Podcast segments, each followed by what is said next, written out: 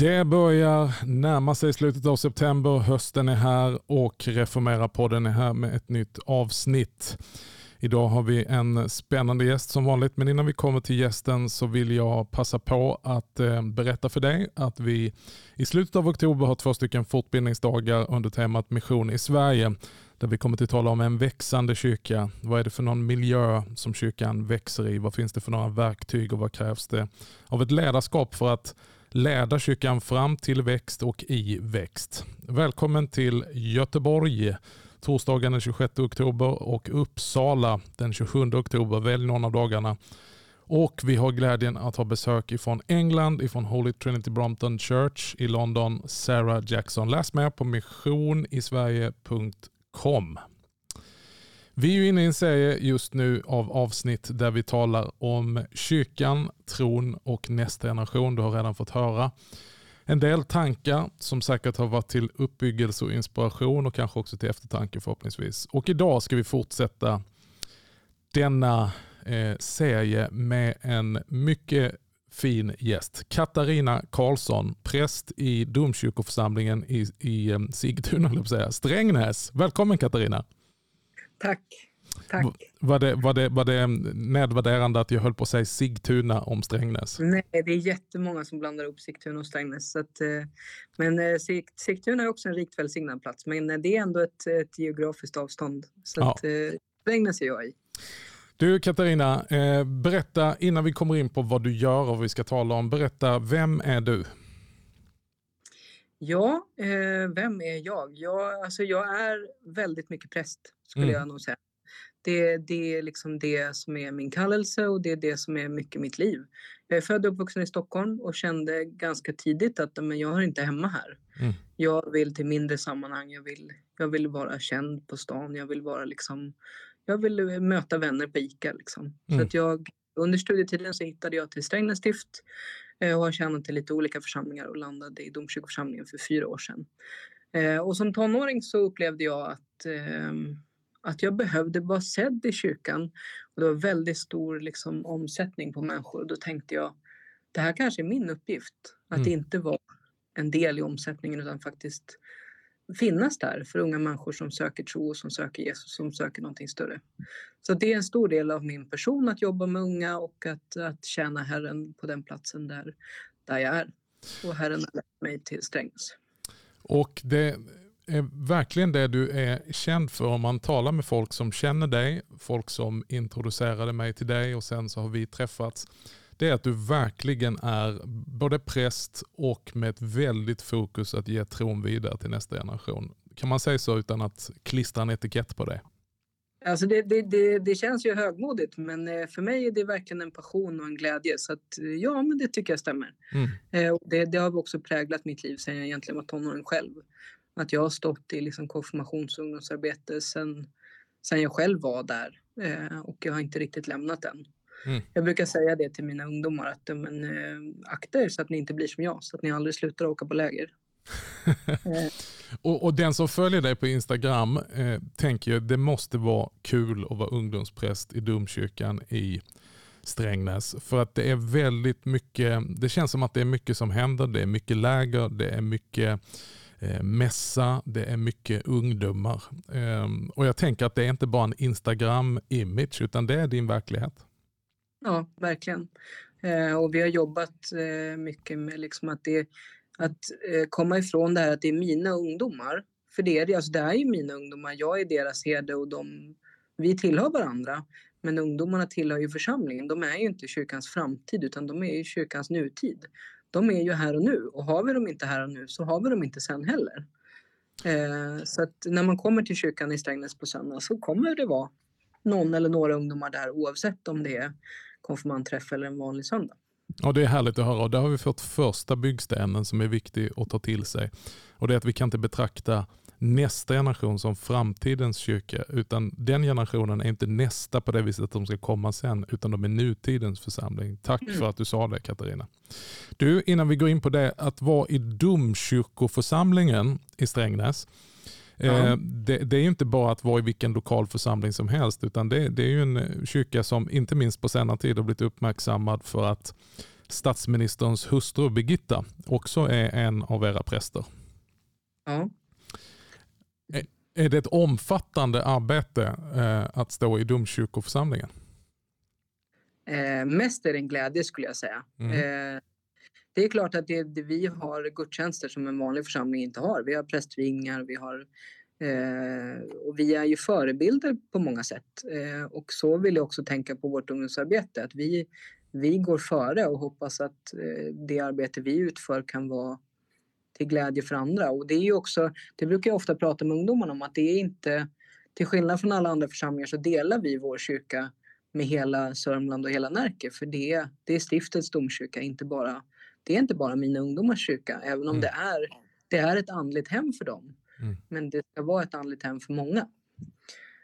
Um, Mm. Och, det gör ju också att vi är en församling som står eh, värd för till exempel stiftsfesten om några veckor. När, mm. när människor från hela stiftet kommer.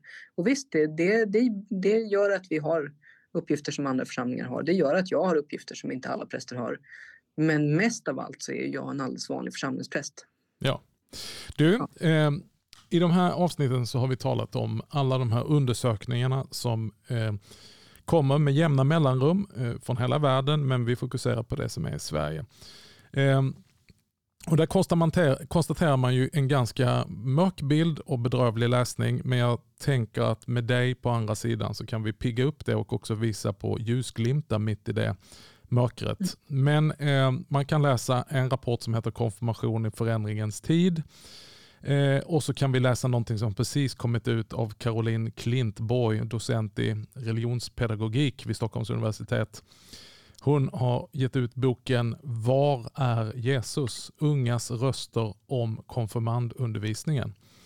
Och ibland när man tar till sig av sådana här, som är viktigt naturligtvis, eh, att våga se att siffermässigt så tappar vi ungdomar. Eh, vi befinner oss i en generation som inte på ett sätt är postkristen utan den är bara helt sekulär. Man, när jag jobbade med ungdomar för 30 år sedan så fick man börja med att bryta ner massa fördomar. Jag säger inte att inte fördomar finns men idag är det mer av ett blankt papper. Håller du med om det Katarina? Ja, verkligen. Och jag tror att det, det, är en av många stora utmaningar också. Att många som jobbar med konfirmation i Svenska kyrkan idag tänker att, att det finns en kunskap, att det finns en fördomsbild, att ungdomar tycker att kyrkan är töntig.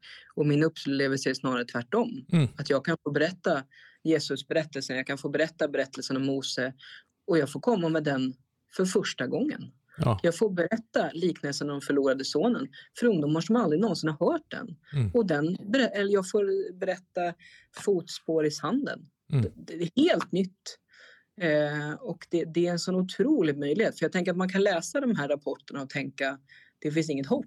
Mm. Och samtidigt så kan man tänka här har vi en, bara direkt konkret, så här ska vi göra. Vi ska svara på frågan, var är Jesus? Mm. Ja, och då, då kan man ju med enkelhet peka på Bibelns ord, på altaret och på församlingen och säga, välkomna hit, här är han. Mm. Och precis som du säger så är det det här med att det inte finns någon förförståelse som vi har varit vana bakåt i tiden. Att det har mm. funnits någon form av initial kontakt med kyrkan, att det finns någon form av kulturkristendom. Det fanns i mitt klassrum, nu låter jag gammal som gatan, men där fanns det till och med en tramporgel. Och flera månader så började vi med att eh, fröken Gunnel hon, hon sjöng salmer med oss. Och vid juletid så berättade man julevangeliet och så vidare. Ja, vi lever i ett helt annat landskap nu. Det är ju en mm. möjlighet, precis som du säger, att för första gången utan förutfattade meningar få berätta Bibelns berättelse, frälsningshistorien, berätta om Jesus. Men vad är utmaningen med det? Utmaningen att, att utgå ifrån noll. Liksom. Ja, men jag, tror att, jag tror att mest av allt så behöver vi jobba med oss själva. Mm. Eh, jag, tänker, jag kommer på mig själv ganska ofta att jag frågar mina ungdomar och så säger jag, men visst tycker ni att jag är töntig nu? Eh, visst, de tycker att jag är töntig ganska ofta. men mest av allt så är jag ju där. Ja. Jag, står, jag, jag, finns ju i deras liv och jag, jag öppnar porten till vår ungdomslokal och säger, här får ni vara. Mm. Här får ni vara eh, och ni får plats precis som ni är. Och här finns en tro som rymmer också er. Mm. Och att jag är där jag kan vara nästan hur töntig som, som helst. Utan jag behöver ha landat i mig själv och jag behöver vara trygg i att men jag har någonting värt att berätta. Jag har en historia som jag vill dela med er. Mm. Eh, och sen är det bra om man leker lite och det, liksom det, det finns ett tänk med vad vi ska göra och hur vi ska göra det. Men en sån sak som musik till exempel. När jag var tonåring så vet jag att mina ledare kämpade jättemycket med att ta musiken som var dåtidens populära sånger Eh, och så skulle man sjunga det och man kanske drog till med någon Disney-låt. Eh, jag och min kollega Jonas som är organist jobbar snarare precis tvärtom. Mm. Att ja, men vi lär konfirmanderna blott en dag, tryggare kan ingen vara eh, och andra liksom salmer som verkligen håller. För blott en dag, men den, den, den bär ju genom tid och rum på många sätt. Ja, nu, nu, nu, nu rörde vi mitt hjärta. Den där salmen, det är inte bara en psalm för mig. Det där är en det är en daglig bön. Det är verkligen, ja, verkligen. en test, text som är slitstark. Mm. Det må visa för ungdomarna att men här är en kyrka som har stått här i mer än 700 år. Mm. Som har någonting, som har någonting för er. Som inte är populärt just nu, som inte är trendigt och som inte är coolt. Men som är tidsbeständigt. Mm. Eh, och jag brukar tänka att så här, men om jag ger mina ungdomar några salmer och att de kan fira gudstjänst. Mm då har jag gett dem någonting för livet. Mm. Det håller väldigt mycket längre och det är hållbart. Till skillnad från, ja men jag kommer knappt ihåg sångerna jag sjöng. Mm. Jag kommer inte ihåg vad vi riktigt gjorde i min konfirmandundervisning. För jag lärde mig inte de här sakerna. Jag fick ingenting egentligen för livet. Alltså det är klart att jag fick en plats i församlingen. Men jag fick inte så mycket till tro som, som bär. Och det är det här som Caroline Klintborg eh, pekar på i sin empiriska undersökning eh, att var tar Jesus vägen? Att det finns mycket med konfirmandperioden och om vi breddar det och tänker liksom ungdomsverksamheten som är positivt och som är viktig. Vi ser dig, vi bekräftar dig. Men den här längtan efter att förstå vad kristen tro är, den mm. lyste med sin frånvaro. Och jag vet inte om jag citerar dig nu, jag har för mig att det är du som har berättat det, eller så är det någon annan. Du får ta credit för det, men jag tror att jag satt i någon samling du eller någon annan sa så här att ungdomar är hungriga på att veta vad det kristna livet innebär. Och så hade de frågat någon ungdomsledare och sagt hur lever man som kristen? Och ungdomsledaren i sin tur hade direkt vänt på frågan Så, ja, vad tycker du? Vad känner du för och vad upplever du i ditt hjärta? Eller någonting sånt. Och sen hade de gått till tanterna, de här riktiga eh, liksom, som aldrig missar en mässa. Och de hade sagt, jo det ska jag berätta för dig. Du ska gå till mässan, du ska ta sakramenten, du ska be dina böner och så vidare. Känner du igen det? Eller? Ja, absolut. Det är, det är min berättelse. Det, det har du hört av mig. Um... Jag tycker den, den fångar någonting som är så tydligt. För att ibland så i vår rädsla att inte vara för framfusiga eller ja, den här ängsligheten som ibland präglar oss som kyrka gör ju att helt plötsligt så är det så abstrakt att det inte är attraktivt. Medan de här gamla bönegummorna, de vet vad det innebär att leva ett kristet liv och ger handfasta praktiker. Ja, verkligen. Eh, och jag tänker att vi ibland fäller oss själva genom att säga att nej, men ungdomar förstår inte och sen det här ordet som jag avskyr, kyrkiska. Mm. Eh, som att vi pratar ett främmande språk. Mm. Eh, det, och till viss del gör vi det. Mm. Eh, jag är ganska eh, direkt med mina konfirmander. Vi firar mässa från första träffen. Mm. För att jag tänker att jag vill inte visa dem något annat. Jag vill visa vad vi har. För jag vill förklara. Eh, när vi säger att vi bjuder in. Vilka är vi? Jo, men vi är den kyrkan som står fast här. Vi är den kyrka som har firat mässan här i 2000 år och som kommer stå här när du är gammal och grå och inte kan gå längre. Så kommer du kunna komma hit och det kommer se ut på ungefär samma sätt. Mm. Och budskapet kommer vara detsamma. Vilket måste vara goda nyheter för ungdomar som har växt upp i en generation där allting förändras stup i kvarten. Ja. Ja, det, det, det, det, jag, blev, jag blev jätteglad av att höra vad du säger Katarina. Men då är det vissa som tänker, då tänker jag nu, nu ger jag ek och säger, ja men kan man göra så? Vill ungdomar ha detta? Hur reagerar de då?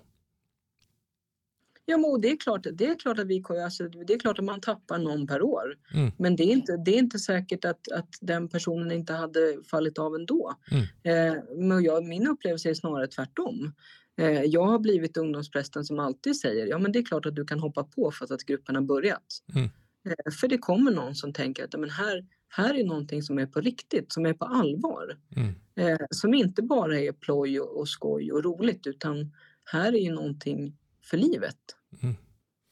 Du, du är, när man följer dig Katarina och lyssnar till dig och hör vad andra säger om dig så verkar du otroligt dedikerad. Det här är inte bara någonting som du gör en liten period för att sen gå vidare, även om du säkert kommer att göra det och ha olika funktioner.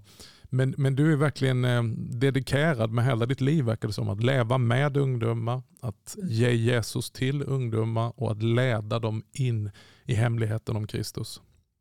Ja, jag tänker också att på, för mig är det nog också, jag, jag speglar mitt eget liv på något sätt. Eh, att jag som ungdom upplevde att men man är ungdomspräst medan man är ung och mm. sen är man klar med det. Mm. Eh, och då statistiskt sett så skulle jag vara färdig med det för nu har jag jobbat med ungdomar i sex år ungefär. Eller i, är det sex år? Det kanske det är. Mm. Ja, jag har varit präst ett tag. Vi säger att det är sex år. Mm. Eh, och, eh, och då skulle jag bli någonting annat. Då skulle jag bli församlingsherde nu för nu är, det liksom, nu är jag klar med det och nu har jag gjort min, nu har jag konfirmerat mina, mina ungdomar liksom och gjort min beskärda del. Men jag tror inte att ungdomsarbete på något sätt egentligen har med ålder att göra. Nej, utan det har ju med hjärta att göra. Majoriteten av mina kollegor har passerat 50 mm. men de har ju hjärta för ungdomar. Mm. Eh, och har man det, ja men då ska man inte bli något annat. Mm. Om, om jag har hjärta i att tjäna de yngsta i flocken, då ska jag ju fortsätta med det. Jag ska inte låta eh, tankar om karriär styra mig till något annat. Mm. När jag känner att jag brinner för att få berätta eh, Jesusberättelsen en 150 gång. Mm. Eh, sen tror jag att vi är också olika som personer. Jag är liksom en lägerräv. Jag tycker att det är underbart att få åka iväg på läger. Kanske inte dagarna innan när jag har liksom tusen saker att planera. Men när man inser att så, men nu, nu händer det någonting. Berätta lite om dynamiken i läger, för att det är du ju inte ensam om att påpeka, men du är definitivt eh, någonting som vi skulle kunna kalla för en eh, expert på området. Vi vet alla som har jobbat med kyrkan att det händer någonting när man åker iväg, när man har de här lägerhelgerna eller lägerveckorna. Vad är mekaniken som gör det viktigt med läger? Men jag tänker att när man åker iväg, särskilt om man åker mer än en helg, eh, då får man ju också en chans att släppa allt där hemma. Mm. Man har liksom inte möjligheten att gå hem. Mm. Eh, gudstjänsten kan få ta eh, lite längre tid, man kan ha längre tid för samtal. Eh, helt plötsligt så, så, är jag badvakt och så frågar någon, men Katarina, vem är djävulen egentligen? Mm. Eh, och det kommer, ju liksom, det kommer frågor som inte riktigt kommer när man har två timmar i domkyrkan, för det finns inte den platsen. Mm. Och det finns inte den möjligheten till, till, till, till att samtalet kan fortsätta. Mm. Eh, jag menar att någon kan fråga, men Katarina, vad är bön egentligen? Var, vad är, kan du förklara vår fader för mig? Mm. Eh, eller man frågar varandra. Eh, eller man kan få släppa alla roller man har i skolan och man behöver inte vara så cool. Tjejerna kommer på att nej, men jag kanske inte måste sminka mig idag utan människor här kanske faktiskt älskar mig som jag är. Ja, det blir ett befriat område helt enkelt. Ja, som jag tänker ja, att ungdomar idag verkligen söker efter. En, mm. en arena som inte är förknippad med prestation och image utan jag känner att evangeliet har befriat den här platsen. Mm. Mm. Men du, eh, det här tycker jag är spännande. Du tar upp eh, det som somliga, då, precis som du nämnde, skulle näm kalla för eh, internt språk, eh, tunga teologiska frågor men som har bäring på livet och så är det precis det som ungdomar frågar efter. Eh, många skulle tänka att ja, men vi duckar sånt, vi talar definitivt inte om djävulen. Eh, mm. vi, vi, talar inte om de här direkta liksom, sakrament och, och, och bön och, och, det andliga livet och efterföljelse. Folk för, förstår inte det. Vi talar inte om rättfärdighet och så vidare. Hur tänker du om det? Du verkar liksom ta de här frågorna head on. Ja, men för mig har det alltid varit viktigt att ta ungdomar på allvar. Mm. Eh, och, eh, ja, men till exempel i våras så hade jag en helt fantastisk grupp. Vi hade liksom planerat ett program inför varje träff och vi hann alltid med ungefär en tredjedel mm. för att ungdomarna bubblade av frågor. Ibland är det liksom struntsaker som Katarina, vad händer på ett begravningskaffe? Mm. Det är inte liksom hjärnkirurgi. Eh, men är det, är, det, är det någon som, som frågar vem är djävulen? Ja, men då, då vill jag ta det på en gång. Mm. Eh, för att jag vill att det ska vara på deras villkor. Och om det är på riktigt på deras villkor, då kan man inte vackla för, för, för de större frågorna. Och nu, alltså jag har jobbat i 20 år ungefär. Eh, och då började jag som ungledare och sen var jag församlingsassistent och nu är jag präst. Mm. Eh, och jag upplever också att ungdomar har förändrats radikalt på de 20 åren. Eh, för de ungdomar jag har i min, mina grupper nu, de funderar ju på att men kommer det finnas en värld? Ja. Är det någon idé att jag funderar på vad jag ska bli när jag blir stor? Mm. Ska jag ha barn? Eh, kom, kommer det bli världskrig? Mm. Alltså jag lallade ju omkring när jag var tonåring. Mm. Jag tänkte inte på världskrig. Jag, jag, kände liksom ingen hotbild på det sättet. Eh, och då, de ungdomarna kräver ju något annat och behöver ju få trons redskap till den ovissheten. Det, det, är ju verkligen så som du säger och det är precis som att vi i kyrkan måste vakna över att den generationen som vi har att göra med idag, om vi tänker då tonåringar och ungdomar från konfirmandåldern och upp en bit. De föddes in i en värld som var präglad av 9-11. Vilket mm. var liksom bara förändrade hela världen. Sånt som inte skulle hända i vår fredliga, upplysta tid. Kalla mm. kriget var över och alla skulle ha fred och lugn och världen skulle bara bli bättre och bättre och varje generation skulle tjäna mer pengar och ha det bättre och bli friskare och leva längre än varje generation innan dess. Och helt plötsligt så kallar man då den här generationen för generation kris. Eftersom mm. de har levt igenom och blivit präglade av en skör värld som har verkligen visat sina sprickor. Att helt plötsligt så kommer det ett krig i närheten av oss mm. på europeisk mark. Det är pandemi, det är psykisk tänker, ohälsa och så vidare. och så vidare. ja, och pandemin inte minst. Eh, det tänker jag att jag nog aldrig riktigt kommer förstå vidden av. För det handlar ju också om en, om en socialt eh, utsatthet. Att man, många av mina konfirmander de har ju aldrig sovit hemifrån. Mm. Inte för att de inte har velat utan för att de var ju Alltså när, när, när, man börjar sova hemma hos andra eller hos kompisar eller åka på idrottsturneringar. Det var ju inställt för då var det pandemi. Så helt mm. plötsligt är det en jättestor sak att åka från, från Strängnäs till Oxelösund. Mm. Fast att det är, liksom, det är ingen bit alls. Men mm. det är en jättestor sak att få sova hemifrån. Ja, eh, bara en sån grej alltså. Eh, och det är fantastiskt att få vara med. Eh, Men du, ja. Eh, eh, om, vi, om vi tittar på det här då, då kan man ju då titta på den här rapporten och rapporter och så beskriver de en ganska mörk bild, men som har vissa sanningar som kanske behöver leda till omvändelse. Hur vi som arbetar i kyrka och, och tänker kyrka och vill kyrka måste tänka om. Att vi blir ängsliga och förfaller till någon sorts terapeutisk deism där vi bara allmänt eh, gullar bort konfirmandtiden. Eh, och jag vet inte, det finns naturligtvis massor med platser där det inte stämmer, men, men, men varför hamnar vi i det läget? Ja, för, att, för det, det kanske är någon form av ambition av att man ska vara alla eh, till lag så att man ska liksom, det ska passa alla. Mm. Eh, och jag tror att det med kyrkans budskap passar inte alla. Eh, men det är oschysst att erbjuda något annat. Eh, att försöka säga att ja, men det, man kan tro så här och man kan tro så här och man kan tro så här. Ja, men vem är man? Mm. Mm. Och vad tror du? Tror, och det tänker jag att jag har ofta unga människor som, som frågar mig. Tror mm. du på det här? Mm. Tror du på liv efter döden? Mm. Eh, och då tänker jag att min, min uppgift är att säga ja. Jag tror att det finns något bortom grav, bortom krig, bortom oro. Det finns ett ljus som aldrig slocknar. Eh, och en herre som är herre också över dig. Mm. Eh, för det tror jag är det, det är det alla rapporterna egentligen skriver i marginalen, att ungdomarna väntar på hoppet. Exakt. De väntar på, eh, de väntar på världens herre. Jag hörde, väntar jag hörde, någon, jag hörde någon som uttryckte sig så här precis i det här sammanhanget att det är ansvarslöst att inte förmedla det hoppet vi har i en mm. tid där uppgivenheten har blivit norm. Ja, verkligen. Och då tänker jag med en generation som präglas av det som vi säger eh, och som du så liksom tydligt med praktisk erfarenhet beskriver. De, de söker ju verkligen efter ett hopp som bär. Finns det någon som kan frälsa mig och frälsa hela tillvaron? Finns det, finns det en ljus framtid? Eh, och att då inte förfalla till eh, någon sorts klämkäck optimism eller låt oss tänka positivt eller någon terapeutisk allmän medmänsklighet utan mitt i det där vi satsar på både att skapa trivsel, att se varje person, att bekräfta, eh, lyssna men att också våga förkunna och förmedla den kristna tron. Mm. Hur gör du det Caroline, äh, Katarina? Eh, ja, alltså svår fråga. eh, hur jag, alltså, jag tänker ju, och det brukar jag också säga, jag hade en, en föreläsning för lite studenter för inte jättelänge sedan.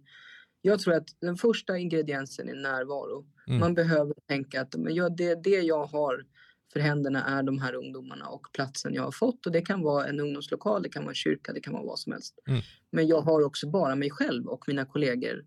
Och vi måste börja att vi måste vara här helhjärtat. Mm. För går man in helhjärtat i ungdomsarbetet, då tror jag att nästan vem som helst av präster och pedagoger och andra kyrkligt anställda kan jobba med ungdomar om man verkligen är närvarande mm. och ger det man har. Och då kan man vara eh, ung eller gammal eller ja, på alla möjliga sätt. Men börjar man i närvaron och sen så bjuder man in till en upplevelse av helighet. Mm. Alltså att här finns något som är heligt. Mm. Någonting, någonting som inte rubbar sig. Mm. När allt annat stormar så står altaret och ordet kvar. Mm. Eh, och rent, rent praktiskt så brukar jag i konfirmandgrupperna börja. Första träffen handlar om mässan, andra träffen handlar om Bibeln.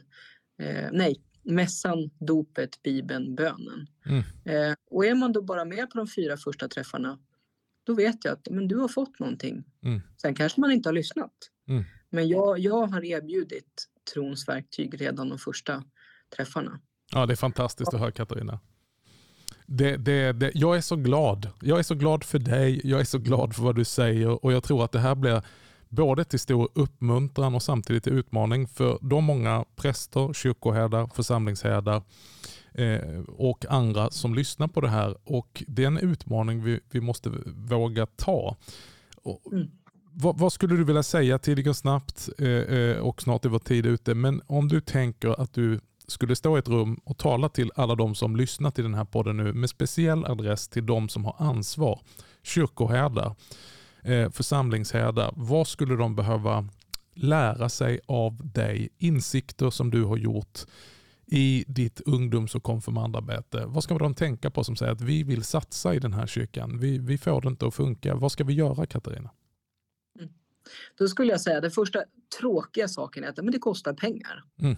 Eh, lägergårdar kostar pengar, ungdomsarbete kostar pengar. Man måste ha bra saker, man måste kunna göra grejer med ungdomarna, man måste kunna ge dem en bibel, en psalmbok och allt sånt där. Det kostar. Mm. Det kostar i personal, eh, för det kräver att man, man kan lägga ner tid på det på riktigt och inte bara eh, två, alltså en konfirmandträff tar inte två timmar, den tar två timmar plus förberedelsetid. Mm. Men sen det allra, allra viktigaste bortom det som är praktiskt, det är ju att ett ungdomsarbete är ju inte det må vara min hjärtefråga och det må vara min kollega Magnus och Jonas och alla de andra. Det är vår passion och vår hjärtefråga. Men det måste vara hela församlingens eh, uppdrag. Eh, vi hade aldrig haft ett så bra ungdomsarbete om jag inte också hade haft ett batteri av förbönspersoner i församlingen som ber för ungdomarna, som kanske inte pratar så mycket med dem, men som vet att det är en av mina uppgifter att be för församlingens unga. Mm. Eh, och bjuda in att vara med i gudstjänst, att vara med på olika platser, att fråga hur de mår.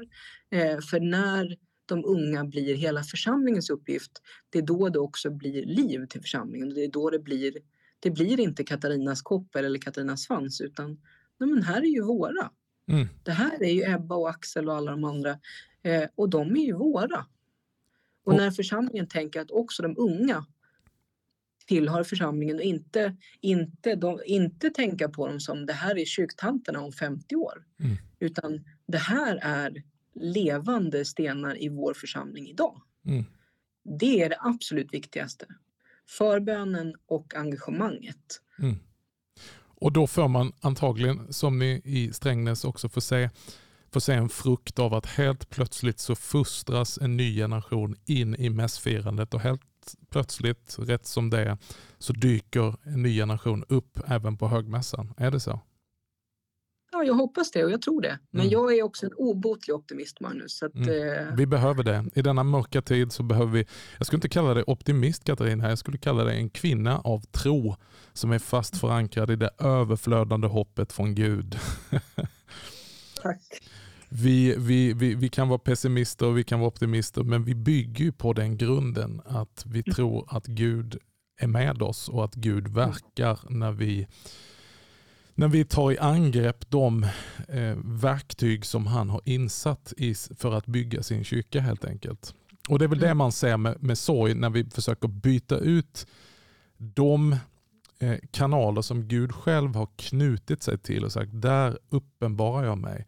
Där förmedlar jag min son, hans kropp, hans blod, hans levande ord. Man byter mm. ut det till någonting som känns lite mer populärt, trendkänsligt, mysigt och inte sagt då att vi inte kan hålla på med allt det där som gör det mysigt och trevligt. Det är absolut inget fel. Men inte på bekostnad av att förmedla den tro som en gång för alla har överlämnats till de heliga. Den ska nu också överlämnas till nästa generation och nästa generation och nästa generation. Och att just detta du säger, jag uppskattar det så mycket, att ta ungdomar på allvar. Mm. Att inte dumförklara dem eller tänka att nej men det, det, det bryr inte ni er om. För det är angeläget de här frågorna för en ung människa. Och jag tycker du bekräftar det. Verkligen. Jag eh, håller med. Du, Katarina, eh, det finns säkert de som, som eh, står i olika ansvarspositioner och säger att ja, men du, det här och vi, vi är upptagna i den här podden och med Reformera-nätverket att, att försöka inte bara tala om problemen utan att, att räcka människor lösningar, nycklar och resurser. Eh, vad får människor tag på dig som säger att vi skulle vilja ha Katarina på besök på till exempel vår stiftsdag eller vår församlingsupptakt eller tala till vårt arbetslag. Gör du sådana saker? Ehm, ehm, jag har gjort lite sånt. Ehm, mest av allt så är jag församlingspräst men man kan alltid prova att skicka ett mejl och säga hej kom, kan du komma och säga något? Ja, och så får vi se. Ja, men jag som har fått nåden att lyssna till dig vid något tillfälle tycker att det är en väldigt bra idé och så får vi se om du har tid med det för din, din dedication är till dina ungdomar i den lokala församlingen vilket är väldigt vackert.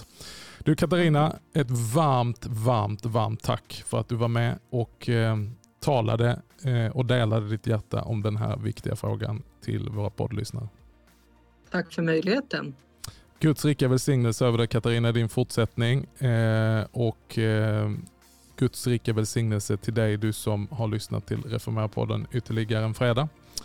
Och jag säger som jag brukar, om Herren vill och vi får leva så är vi tillbaka i dina hörlurar eller din högtalare även nästa fredag och fortsätter att tala om det här med eh, unga, kyrkan och tron. Och temat nästa fredag är hur formerar man en tro som bär för resten av livet. Eh, ny gäst, nytt ämne, men eh, samma syfte. Jag önskar dig en trevlig helg och Guds rika välsignelse.